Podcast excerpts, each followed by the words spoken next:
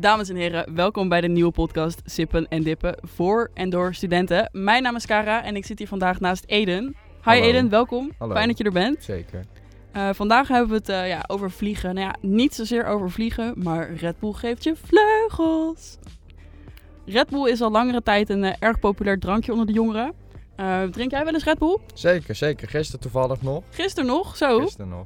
Maar weet je eigenlijk wel dat het eigenlijk helemaal niet zo gezond voor je is?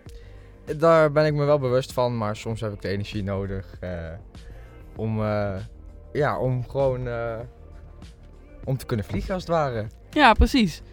Maar dan vraag ik me eigenlijk wel af, wat is er nou zo bijzonder aan Red Bull en ja, waarom is het zo populair? Daar gaan wij vandaag ja, even wat dieper in kijken. Ehm, overal waar je komt zie je het eigenlijk wel voorbij komen. Op straat, in de supermarkt, bij de snackbar of ja, als sponsor bij sporters. Zo adverteert Red Bull het zelf ook. Voor onderweg, tijdens je college en studie, op je werk, bij het gamen of sporten. Red Bull geeft je vleugels wanneer jij ze nodig hebt.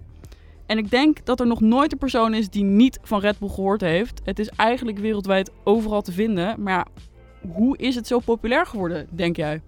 Nou ja, ik denk dat het puur is gekomen door de reclames die ze gemaakt hebben en de, de, eh, de categorie wat ze sponsoren. Dus bijvoorbeeld als je kijkt naar Formule 1, Max Ja. Verstappen, die wordt gesponsord. En eh, ik denk dat dat soort dingen zoals acties zoals eh, sporten, wat jongeren veel kijken, dat dat wel de aandacht trekt. Ja, precies. Want ondanks dat er veel goedkopere varianten zijn, kiest iedereen eigenlijk ja, meestal wel voor Red Bull. Maar dat komt omdat het, ja, Red Bull heeft gewoon een goede marketingstrategie. Waar jij het net ook over had, eh, Formule 1. Red Bull is eh, eigenlijk een van de grote sponsors bij Formule 1. En eh, eigenlijk ook wel bij alle andere extreme sporten.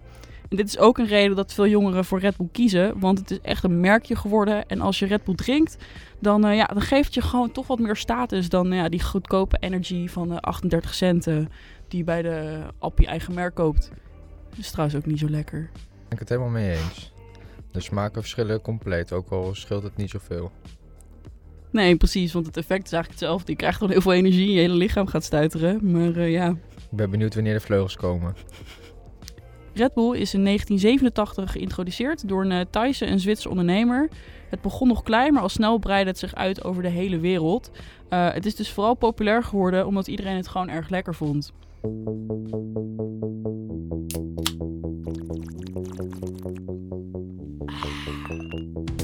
Het is geen toeval dat avondjes om te onthouden vaak beginnen met een koud blikje Red Bull. Daarom koop Red Bull, want de nacht is nog jong, dan kan je lekker vliegen. Maar hoe kan het dat ondanks er veel goedkopere varianten beschikbaar zijn, iedereen nog steeds voor Red Bull kiest? Want eh, ja, Eden, je bent in de supermarkt en je hebt Mhm. keuze tussen een blikje Red Bull voor, ja, hoeveel kost dat? 1,50? Zoiets. Zoiets, ongeveer, ja, ongeveer. Ja. En eh, die eigen merk van de Albert Heijn, die is... eh, 30 cent ongeveer. 30 40, cent. 30, 30, 40 cent denk ik. ja, precies. Welke, welke kies jij? Nou, als ik mag, persoonlijk mag kiezen, dan kies ik toch wel voor Red Bull. En Eh, waarom dan? Nou ja, nou ja, dat is eigenlijk denk ik een, eerder een onbewuste keuze. Ik pak hem gewoon sneller. En in, meestal staat Red Bull ook gekoeld en de andere niet. Dat is ook een van de redenen waarom ik hem ook vaak kies. Omdat ik vaak van koude drankjes hou. Ehm, dus ja, dat doen ze ook wel goed eh, door het in de koeling te zetten. Ja. ja, Red Bull heeft gewoon een eh, ontzettend goede markt marketingstrategie. Ze zijn eigenlijk de grote sponsor bij eh, Formule 1. En ze hebben eigenlijk ook wel andere extreme sporten die ze sponsoren. Dat is ook wel een reden dat veel jongeren liever Red Bull halen. Want eh, het is echt een merkje geworden. En het geeft je gewoon wat meer status als je dat drinkt dan eh, de goedkopere variant. Eh, maar over Red Bull gesproken. Deze podcast is mede mogelijk gemaakt door Red Bull. Dus ik wil hen even bedanken voor het sponsoren. En dan gaan we weer verder met de podcast. Vandaag gaan we wat dieper duiken in Red Bull. Dit zoete drankje vol cafeïne en suiker is namelijk eigenlijk helemaal niet zo goed voor je. De 250 milliliter zit er maar liefst 6,5 suikerklontjes. En vanwege het hoge suiker- en cafeïnegehalte is zo'n eh, drankje zwaar verslavend. Tot eh 12 tot 14 uur kunnen mensen afkikverschijnselen krijgen zoals hoofdpijn en prikkelbaarheid. En een paar jaar geleden was er ook een campagne gekomen over dat jongeren te veel energiedrank dronken. Niet alleen Red Bull, maar gewoon energy in het algemeen.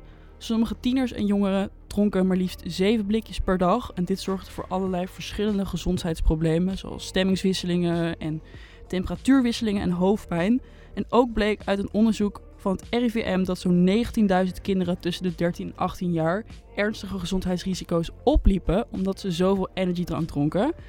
Uh, en deze pubers maakten kans op extra hartritmestoornissen en aantasting op het centraal zenuwstelsel. En hieruit heeft Nederland ook een wet gemaakt dat uh, kinderen onder de 12 geen energiedrank meer mochten kopen. Mochten of mogen? Allebei.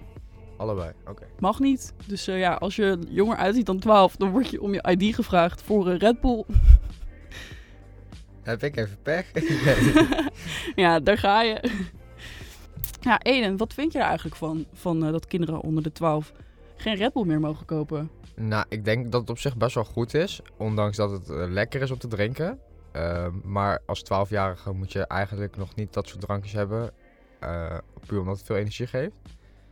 En um, nou ja, ik denk dat het ook belangrijk is dat je als kind zijn een goede opvoeding hebt en dat je gewoon de goede dingen leert eten en drinken en niet gelijk allemaal ongezonde dingen. Nou ja, ongezond wil ik niet zozeer zeggen. Ik weet niet of het ongezond is, maar het is in ieder geval niet al te best.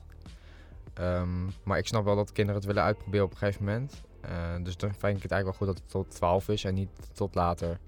Ja, ik denk ook wel dat het fijn is voor de ouders. Want uh, ja, kinderen onder de 12 die hebben vaak al erg veel energie. Maar het lijkt me best wel vervelend als je je kind ophaalt van school. En die is dan in de pauze naar de appie geweest. Dat kind loopt helemaal te stuiteren. Ja, shit, wat moet je dan? Wegbrengen en oppassen. ja. Daarvoor uh, gooien kinderen en ouders op voetbal. Zijn ze even lekker er klaar mee. Hebben ze wat rust. Um, ondanks dat Red Bull dus eigenlijk helemaal niet zo gezond is, is het wel erg lekker en worden ze nog steeds verkocht als uh, warme broodjes.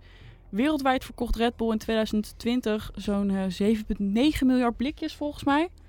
En uh, samen met wat het bedrijf nog meer doet, leidde dat tot een groepsomzet van maar liefst 6.307 miljard euro. Dat is redelijk veel geld.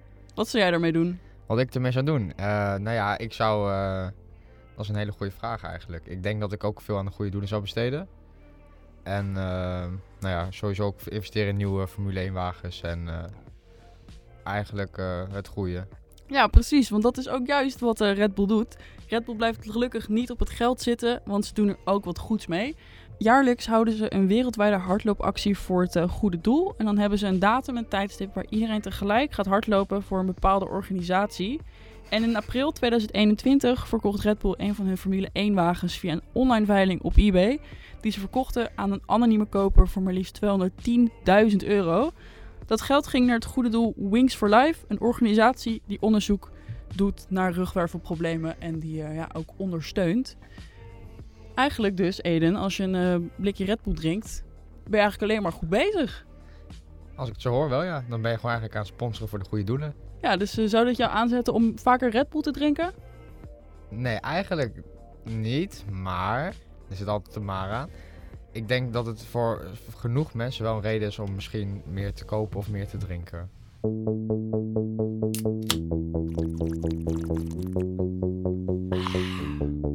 Zwaar werk kan ook echt zwaar zijn, maar een blikje Red Bull geeft je vleugels met elke klus licht aan te vliegen.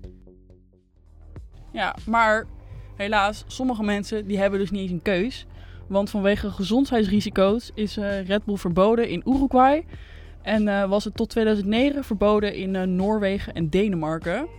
Dus uh, ja, als je in Uruguay woont en als je tot 2009 in Noorwegen of Denemarken woonde, kon je gewoon geen Red Bull kopen. Dat ja. is eigenlijk best wel zielig. Ik denk eigenlijk dat er ook al genoeg vervangers zijn hoor. Maar het is wel inderdaad jammer dat het er niet aanwezig is. Wat nou als je echt een hele grote Formule 1 fan bent? En dan kan je gewoon geen Red Bull drinken. Je kan altijd nog verhuizen. Je kan altijd nog verhuizen. Dat vind ik wel een goede optie. Tot zover het sippen en dippen met jullie over Red Bull. Eden, dankjewel dat je erbij was. Ja, het was gezellig inderdaad. Yes, en aan de luisteraars, dankjewel voor het luisteren. En we hopen jullie uh, snel weer meer te kunnen vertellen. Joejoe!